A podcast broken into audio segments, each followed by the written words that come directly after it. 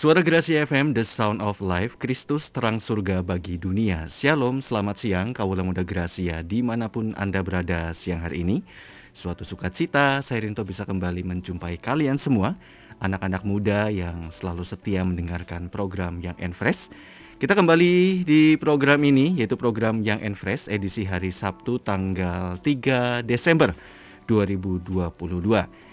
Ya, teman-teman semua gimana kabar kalian? Saya percaya dan selalu berdoa, berharap juga kalian semua tetap dalam kondisi yang sehat ya.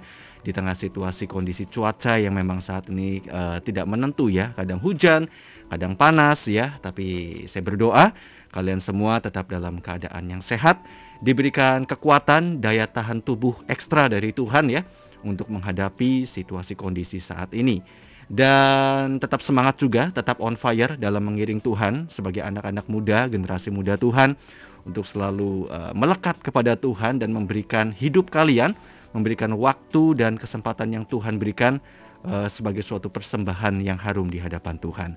Oke, kembali siang hari ini kita akan kembali diberkati lewat suatu penyampaian renungan firman Tuhan.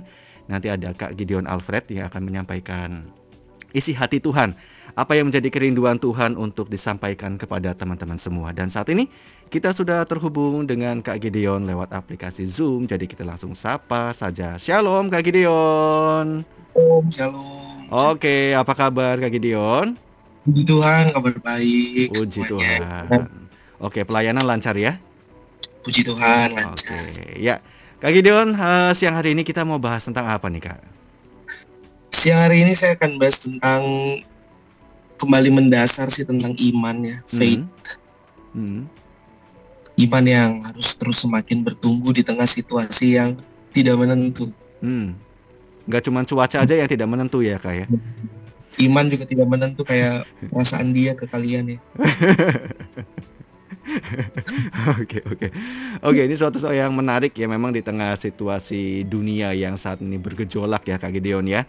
Tentunya anak-anak muda juga harus terus dibekali supaya iman anak-anak muda ini tidak tenggelam tapi tetap on fire di dalam Tuhan ya. Oke Kak Gideon sebelum kita mulai boleh bawa kita dalam doa Kak.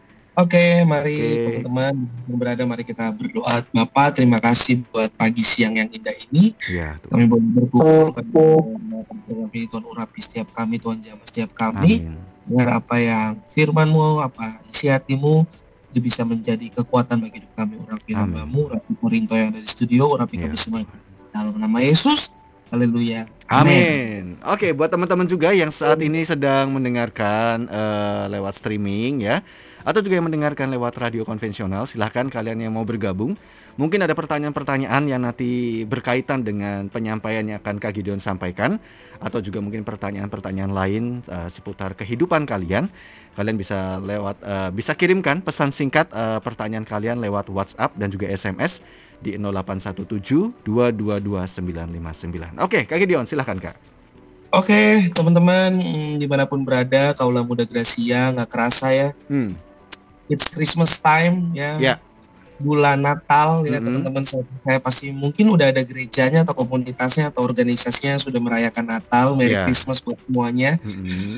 uh, banyak yang bilang tahun depan tuh makin nggak nggak semudah tahun ini lah, tahun depan makin sulit lah, tahun depan makin apalah banyak mm. yang bilang begitu. Tapi kita sebagai anak Tuhan nggak boleh takut ya. Yeah boleh khawatir, nggak boleh cemas karena yang menentukan situasi dan kondisi itu hanya tetap Tuhan, ya, Betul. ya Tuhan Yesus.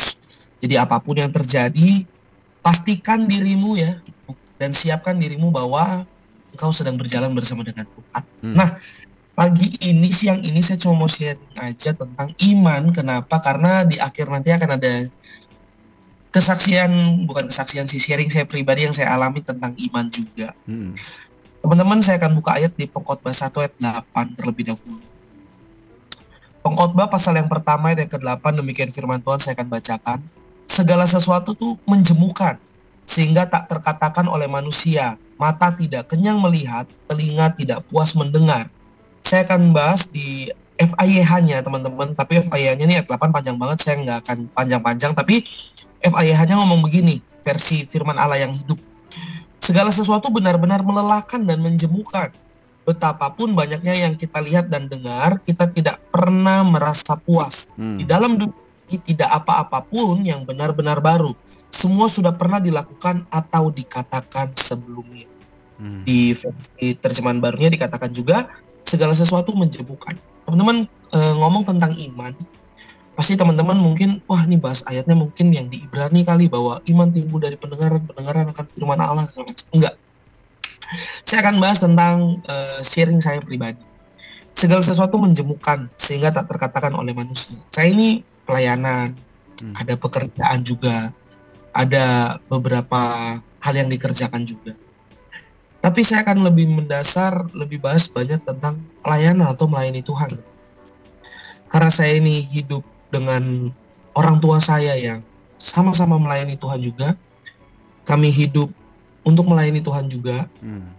Orang tua saya seorang gembala, saya seorang anak gembala, ya kan? Dari tahun 90 berapa ayah di ibu saya sudah melayani Tuhan. Hmm. Saya lahir tahun 90-an juga sudah melayani Tuhan. Dari awal kami pindah ke Cirebon juga ke kota Sion sudah melayani Tuhan. Sampai sekarang juga melayani Tuhan. Dan saya akan meriletkan dalam kehidupan saya saat-saat ini. Beberapa akhir-akhir ini saya merasakan beberapa kejenuhan dan kelelahan ya teman-teman dalam melayani Tuhan. Hmm. Saya terbuka. Ya, menjemukan dan melelahkan. Naik mimbar, khotbah, main musik, bawa pujian. Buat saya satu uh, ini buat saya pribadi ya karena yang saya lakukan adalah bukan lagi rutinitas, teman-teman. Bukan lagi rutinitas, tapi ini yang kenapa Tuhan bilang di hari-hari terakhir orang yang mengusir setan demi namaku, membuat mujizat demi namaku, Tuhan tidak mengenal mereka. Hmm. Dan saya baru menemukan jawaban itu di saat saya lagi saya lelah, saya jenuh dalam melayani saya percaya lah pasti uh, mungkin juga di sini ada pemimpin-pemimpin anak muda, mungkin gembala-gembala, mungkin ketua ketua-ketua remaja segala macam. Saya percaya mungkin kita pun pernah merasakan kelelahan dalam melayani Tuhan. Why? Saya kasih tahu rahasianya. Karena saya selama melayani Tuhan memakai kekuatan dan logika saya sendiri. Hmm. Memakai kekuatan saya sendiri. Tidak memakai kekuatan dari Tuhan. Kenapa? Alhasil akhirnya saya jenuh saya lelah untuk melayani Tuhan. Kenapa? Karena saya sudah tidak memakai kekuatan dari Tuhan. Udah Gideonnya yang muncul, bukan Tuhan yang muncul. Gitu. Hmm. Akhirnya apa? Jenuh, lelah teman-teman. Jadinya rutinitas. Kenapa? Dan akhirnya imannya yang harusnya bertumbuh itu tidak muncul dan tidak bertumbuh. Hmm. Itu yang menjadi faktor penyebabnya teman-teman. Dan itu yang akan saya sharingkan malam ini supaya apa? Saya mau bertobat dan saya juga mau teman-teman bertobat agar imannya mulai bertumbuh. Melayaninya jangan sampai salah motivasi gitu karena banyak orang yang mau melayani Tuhan tuh banyak. Banyak yang mau melayani Tuhan. Siapa yang nggak mau melayani Tuhan? Tapi untuk dijadikan seorang pelayan itu sedikit. Hmm. Dan memang tidak mudah teman-teman. Dan itu saya. Dan itu posisi saya teman-teman saat saat. Dan saya alami ini di akhir tahun lagi. Dan saya tahu Tuhan baik. Agar di tahun depan kehidupan saya pribadi dan mungkin kehidupan teman-teman harus mengalami restorasi yang lebih dahsyat lagi. Agar sesuatu yang ilahi, sesuatu yang ledakan itu terjadi dalam kehidupan kita. Makanya kita dibongkar habis kedoknya. Kita dibongkar habis mungkin ada di titik terendah dalam hidup kita. Aduh saya kok mulai bosan ya, kok saya mulai jenuh ya. It's okay, no problem. Itu tujuan Tuhan untuk membongkar kita agar kita bisa bangkit teman-teman. Iya, agar kita bisa bangkit. Kenapa? Memang manusia tuh harus dinolkan dulu harus dinolkan dulu agar dia bisa mengerti apa maksud dan tujuan Tuhan dalam kehidupan kita. Hmm. Ini menjenuhkan, ini melelahkan. Nah, akhirnya saya mendapatkan sesuatu yang dahsyat dari Tuhan. Sama-sama kita buka di 2 Korintus 12. Ayatnya yang ke-8 saja. Ayat yang ke-7 teman-teman. Saya bacakan 2 Korintus 12 ayat yang ke-7. Dan supaya aku, ini Rasul Paulus, dan supaya aku jangan meninggikan diri karena pernyataan-pernyataan yang luar biasa itu, maka aku diberi suatu duri di dalam daging. Yaitu seorang utusan iblis untuk menggocok aku supaya jangan meninggikan diri. ini teman-teman. Hmm. Mungkin teman-teman di sini udah mulai mundur untuk melayani Tuhan. Mungkin aduh kak saya malas ke gereja, aduh kak saya malas komunitas. Ngapain sih? Dia nggak peduliin saya. Dia uh, ketua komsel saya, ketua uh, komunitas saya, pastor saya, pendeta saya sudah tidak mulai memperhatikan saya. Udahlah mending saya cari tempat yang lain yang lebih hijau, yang lebih hey. Bukan kalian yang merasakan itu lagi, tapi saya yang sebagai pemimpin pun merasakan kejenuhan dan kelelahan dalam melayani Tuhan. Why? Hmm. Karena ternyata saya sudah mulai meninggikan diri saya dengan pernyataan-pernyataan, wah pastor hebat, wah luar biasa, wah luar biasa saya merasakan hadirat Tuhan. Wah kayaknya kalau bukan kamu yang melayani saya nggak tahu lagi dia harus apa. Wah terima kasih ya buat konselingnya luar biasa. Saya lupa bahwa saya sudah jatuh. Hmm. Makanya Tuhan mungkin mengizinkan duri dalam daging. Duri di dalam daging itu bukan berbicara juga prosesnya begini. Ketika saya kok berdoa saya tidak merasakan Tuhan ya. Ketika saya sedang mencari Tuhan, kok saya tidak bisa mengalami Tuhan lagi ya? Kenapa ya Tuhan? Makanya di ayat 8, Rasul Paulus bilang, tentang hal itu aku sudah berseru tiga kali kepada Tuhan supaya utusan itu iblis itu muncul. Apa? Lari daripada aku tiga kali roh Rasul Paulus berseru kepada Tuhan supaya duri dalam dagingnya lepas agar dia bisa mendapatkan Tuhan. Tapi apakah Tuhan izinkan duri dalam dagingnya lepas? Enggak. Di ayat 9 Tuhan jawab Hei, tetapi jawab Tuhan kepadaku, kepada Rasul Paulus, kepada Gideon, kepada kita semua yang mendengarkan, cukuplah kasih karuniaku bagimu. Sebab dalam kelemahanmu, kuasaku menjadi nyata sempurna. Itu yang saya bilang kenapa kita harus dinolkan supaya kuasa Tuhan bisa bekerja luar biasa dalam hidup kita. Cukuplah kasih karuniaku tuh Tuhan mengajarkan apa? Bersyukur. Mengucap syukur Sebab itu terlebih suka aku bermegah atas kelemahanku supaya kuasa Kristus turun menaungi aku. Amin. Makanya Rasul Paulus kenapa bisa bilang di Galatia sebab bukan aku lagi yang hidup tapi Kristus yang hidup dalam aku. Ternyata kalau kita hidup masih akunya yang lebih gede daripada Tuhannya. Makanya Yohanes 3:30 mengajarkan more of you and less of me. Biar engkau semakin tinggi dan aku yang semakin rendah kalau bisa nol. Teman-teman, Makanya ini menjadi satu, ini bahas tentang apa sih kak? Katanya tentang iman. Iya, saya sedang bahas tentang iman. Iman merestorasi agar apa? Agar di tahun depan kita nggak menjadi tahun yang sebelum-sebelumnya. Hmm. Tapi tahun depan kita benar-benar menjadi ciptaan yang baru. Kita benar-benar menjadi manusia yang baru. Benar-benar kita mendapatkan sesuatu yang baru. Dan kita menjalani kehidupan ini bersama dengan Tuhan. Makanya di ayat 10-nya dikatakan, orang mana coba teman-teman? Lihat dulu di ayat 10-nya orang mana di dunia ini saya bacakan karena itu aku senang dan rela dalam kelemahan dalam siksaan dalam kesukaran dalam penganiayaan dalam kesesakan oleh karena Kristus. Teman-teman orang mana dalam dunia ini kesenangannya dan kerelaannya lagi dalam kesenangannya dan kerelaannya dalam penganiayaan. Kesenangannya hmm. dalam dan kerelaannya dalam kesukaran. Orang mana dalam dunia ini coba? Yeah. saya aja kalau lagi macet dan lapar saya ngedumel. Ini Rasul Paulus bilang kesukaran siksaan penganiayaan kesesakan kesesakan hmm. orang di dalam dunia ini yang bisa bilang begini teman-teman. Kayaknya aneh gitu ya kayak. Ya, kayak aneh. Ini Rasul Paulus ngomong kayak gini ini bukan the power of kepepet loh ya, bukan. Oh tidak, pelayanannya dia di mana-mana teman-teman. Pasukannya dia banyak, umatnya dia pun banyak. Loh, perjanjian baru, hampir setengah perjanjian baru, itu hmm. tulisan Rasul Paulus. Galatia, Roma, Efesus, Timotius, 1-2 Korintus, itu semua tulisannya Rasul Paulus. Filipi, Kolose, Gila nggak? Orang mana di dunia ini? Rasul Paulus itu, waduh kalau zaman dulu mungkin dia artis kali ya. Hmm. Pelayanannya itu di mana-mana teman-teman. Luar biasa nggak? Tapi dia bilang, aduh Tuhan, kesenangan dan kerelaan dalam hidup saya itu waktu saya dalam kisaan penganiayaan. Orang gila mana? Hmm. Tapi saya cuma bilang satu hal. Kalau orang belum mengenal Tuhan, belum bisa begini. Tapi Rasul Paulus dia mengenal siapa Tuhan. Hmm. Makanya dia bisa bilang begini. Makanya di Filipi dia katakan, yang jauh lebih berharga dan mulia adalah pengenalan akan Tuhan. Apa sih kak? Kembali lagi ke apa sih kak? Hubungan intim. Dari awal saya di yang Enfresh sampai detik ini nih saya nggak tahu saya udah berapa lama di situ sampai detik ini nih tahun 2022 besok kita mau tahun 2023 nih saya cuma mau menekankan dalam setiap kaula muda Gracia bangun hubungan intimu sama Tuhan hmm. kalau kamu bisa bangun hubunganmu sama pacarmu sampai kamu rela gak kehilangan dia, sampai kamu takut kehilangan dia, ayo begitu pula kita bangun itu sama Tuhan. Itu yang harus kita bangun sama Tuhan. Saya mau kasih kesaksian sama teman-teman begini.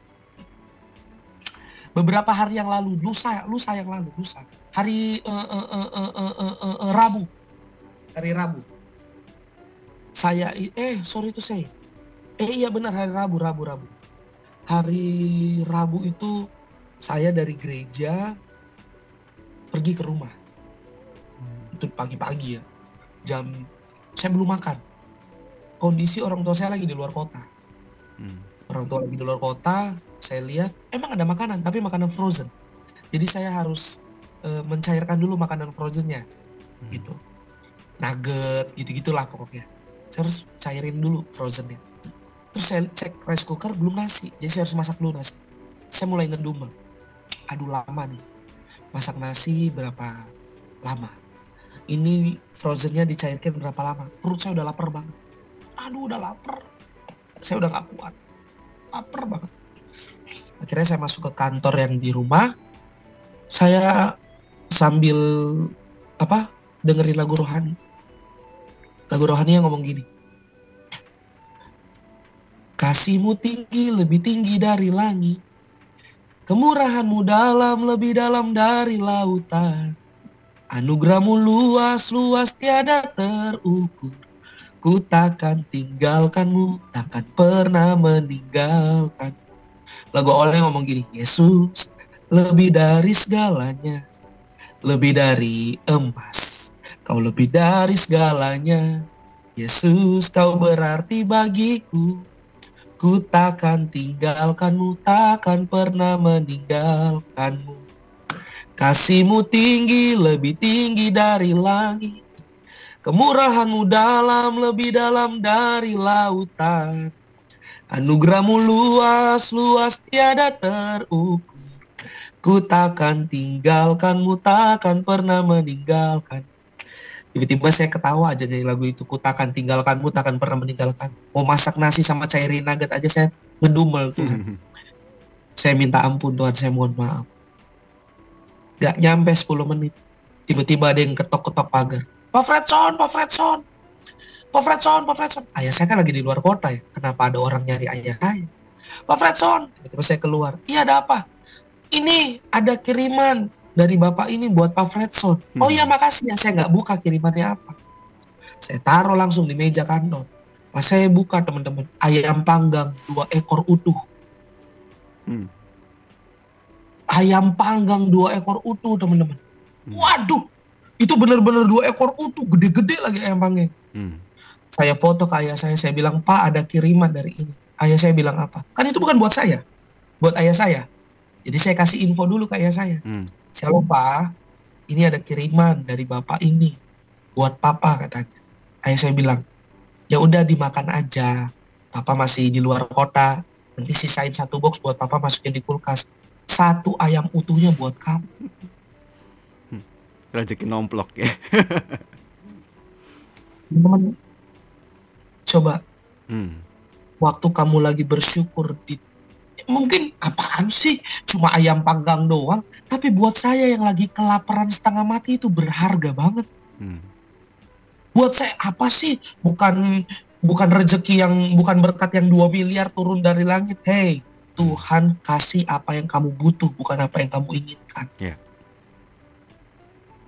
Tuhan Tuhan tuh memberi apa yang kamu butuhkan buat teman-teman mungkin sederhana banget ceritanya. Tapi buat saya itu aduh Tuhan terima kasih banyak kayak ketimpluk emas 10 ton tahu nggak? Hmm. Buat saya tuh aduh Tuhan terima kasih. Saya makan itu dengan rasa ucapan syukur. Selesai saya makan, saya langsung naik ke atas ke kamar ke kamar di atas. Ngapain? Saya nangis. Tuhan terima kasih banyak. Terima kasih saya itu bukan karena berkat yang baru Tuhan kasih. Hmm. Terima kasih sudah mengajarkan saya arti mengucap syukur. Terima kasih Tuhan telah mengajarkan saya arti beriman yang benar.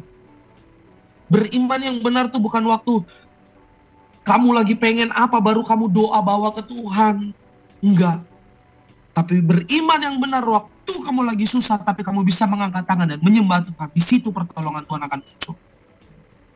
Itu yang Rasul Paulus katakan, aku senang, aku rela dalam kelemahan. Ternyata benar, tidak cukup sampai di situ teman-teman. Tidak cukup kata-kata sampai di situ. Ada kata-kata lanjutannya. Sebab jika aku lemah, maka aku kuat. Hmm. Itu di situ teman-teman. Wah saya bilang Tuhan terima kasih. Terus nyambungnya apa kak? Ke pengkhotbah 1 ayat 8. Ya, saya lagi ngalamin kejenuhan, saya lagi ngalamin kelelahan. Tiba-tiba Tuhan menunjukkan kuasanya. Dan memang benar, ketika kita lagi lemah, tapi kita bisa tetap mengangkat kedua tangan kita di hadapan Tuhan. Di situ kuasa Tuhan akan turun menaungi hidup Amin. kita. Teman. So mungkin dari tahun awal tahun sampai akhir tahun ini hidupmu mungkin gak beres. Mungkin dari awal tahun sampai akhir tahun ini hidup kita lagi ngalamin goncangan yang dahsyat. Tetap tangan terangkat ke surga dan menyembah Tuhan. Saya percaya di tahun depan akan ada sesuatu yang dahsyat dan luar biasa akan menaungi hidup kita, akan terjadi dalam kehidupan kita. Lagi lemah, lagi tersiksa, lagi dalam penganiayaan, lagi dalam kesesakan. Saya cuma mau satu hal sama teman-teman dan saya, saya pun lagi belajar. Ayo kita sama-sama belajar gandengan tangan. Walaupun apa pun goncangannya, biar tetap tangan kedua kita terangkat di hadapan Tuhan. Biar tetap lutut kita tetap berlutut di hadapan Tuhan. Mengucap syukur di hadapan Tuhan. Karena saya percaya tangan Tuhan tidak pernah membiarkan anaknya jatuh sampai tergeletak. Amin. Jadi buat teman-teman di mana pun teman-teman berada saat ini, pasti Tuhan akan mengajarkan banyak hal dalam kehidupan kita. Takut wajar, khawatir wajar. Yang nggak wajar itu kalau kita hidup dalam ketakutan dalam dan dalam kekhawatiran. Kita manusia dikasih perasaan, punya perasaan takut, it's okay. Punya perasaan cemburu, it's okay. Tapi yang nggak wajar kalau kita hidup dalam situ. Hmm lagi takut tetap tangan terangkat, lagi khawatir tetap tangan terangkat karena di situ kuasa Tuhan akan menaungi kehidupan kita. Ya. Di situ. Amin. Oke. Jadi kuncinya ya Kak Gideon, memang kita harus memiliki hubungan yang intim dengan Tuhan. Ini uh, saya rasa rasa bosan, rasa jenuh itu nggak hanya dialami oleh orang-orang yang mungkin pelayanan di gereja atau sebagai jemaat juga gitu kan. Tapi dalam kehidupan sekuler pun dalam kehidupan sehari-hari mungkin ada teman-teman juga yang dalam pekerjaannya karena merasa seperti udah kayak rutinitas setiap hari yang dihadapkan itu lagi, itu lagi pekerjaannya itu lagi dan mengalami suatu kejenuhan, akhirnya mulai malas-malasan. Nah, ini juga tadi menjadi suatu jawaban juga Kak Gideon.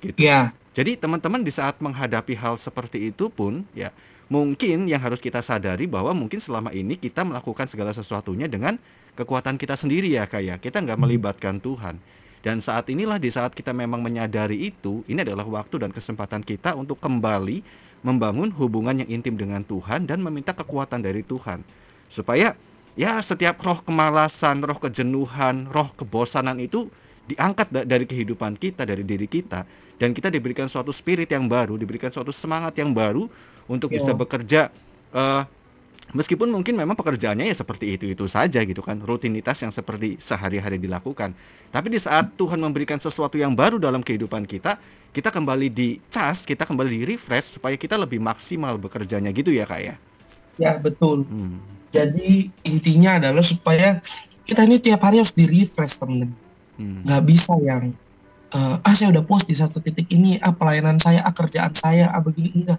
kita harus terus di refresh. Gimana cara merefreshnya dalam hadirat Tuhan. Hmm.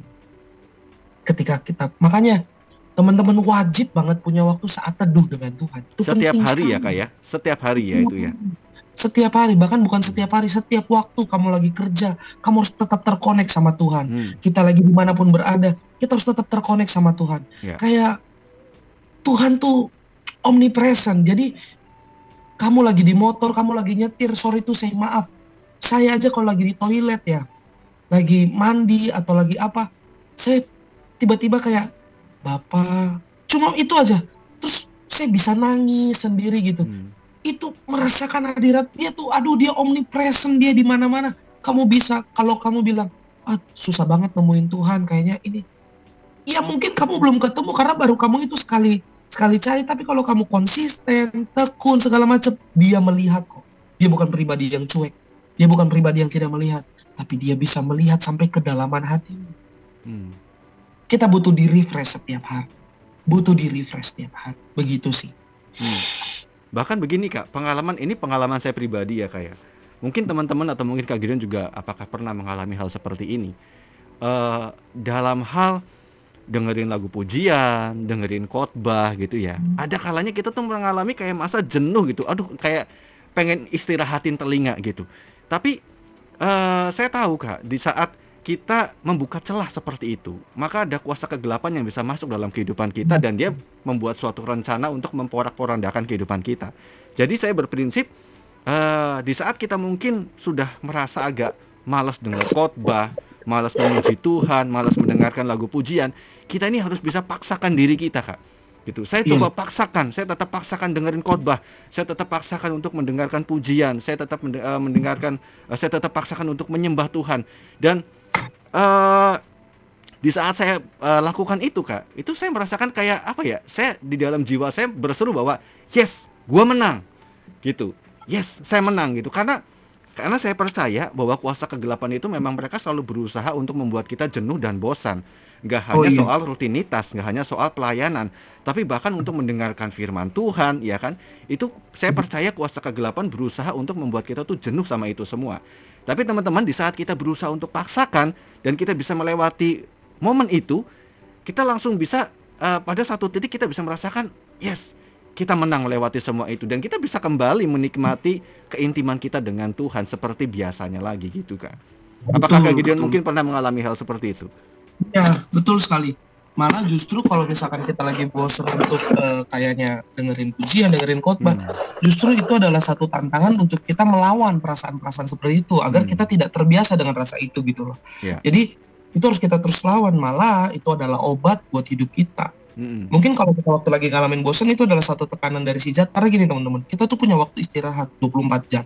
Hmm. Teman-teman kerja 8 jam, 9 jam satu hari. Habis itu teman-teman balik ke rumah atau mungkin teman-teman belajar teman-teman punya waktu istirahat di jam kerja pun ada jam istirahatnya mungkin setengah jam atau satu jam di setengah harinya ya dan kita punya waktu tidur teman-teman mungkin jam 10 sampai pagi kita udah tidur teman-teman sampai hmm. Sampai kapan lagi mungkin kita kita punya waktu tidur. Tapi saya nggak bisa tidur kak. Ya pasti punya lah dua tiga jam satu hari pasti kita punya waktu tidur. Tapi si jahat iblis itu nggak punya waktu istirahat. 24 jam uh dia kerja terus menerus dia kerja terus menerus makanya kita kita mungkin punya waktu istirahat tapi biar roh kita ini terus berjaga-jaga 24 jam teman-teman. Hmm. nah itu gimana cara ngebangunnya?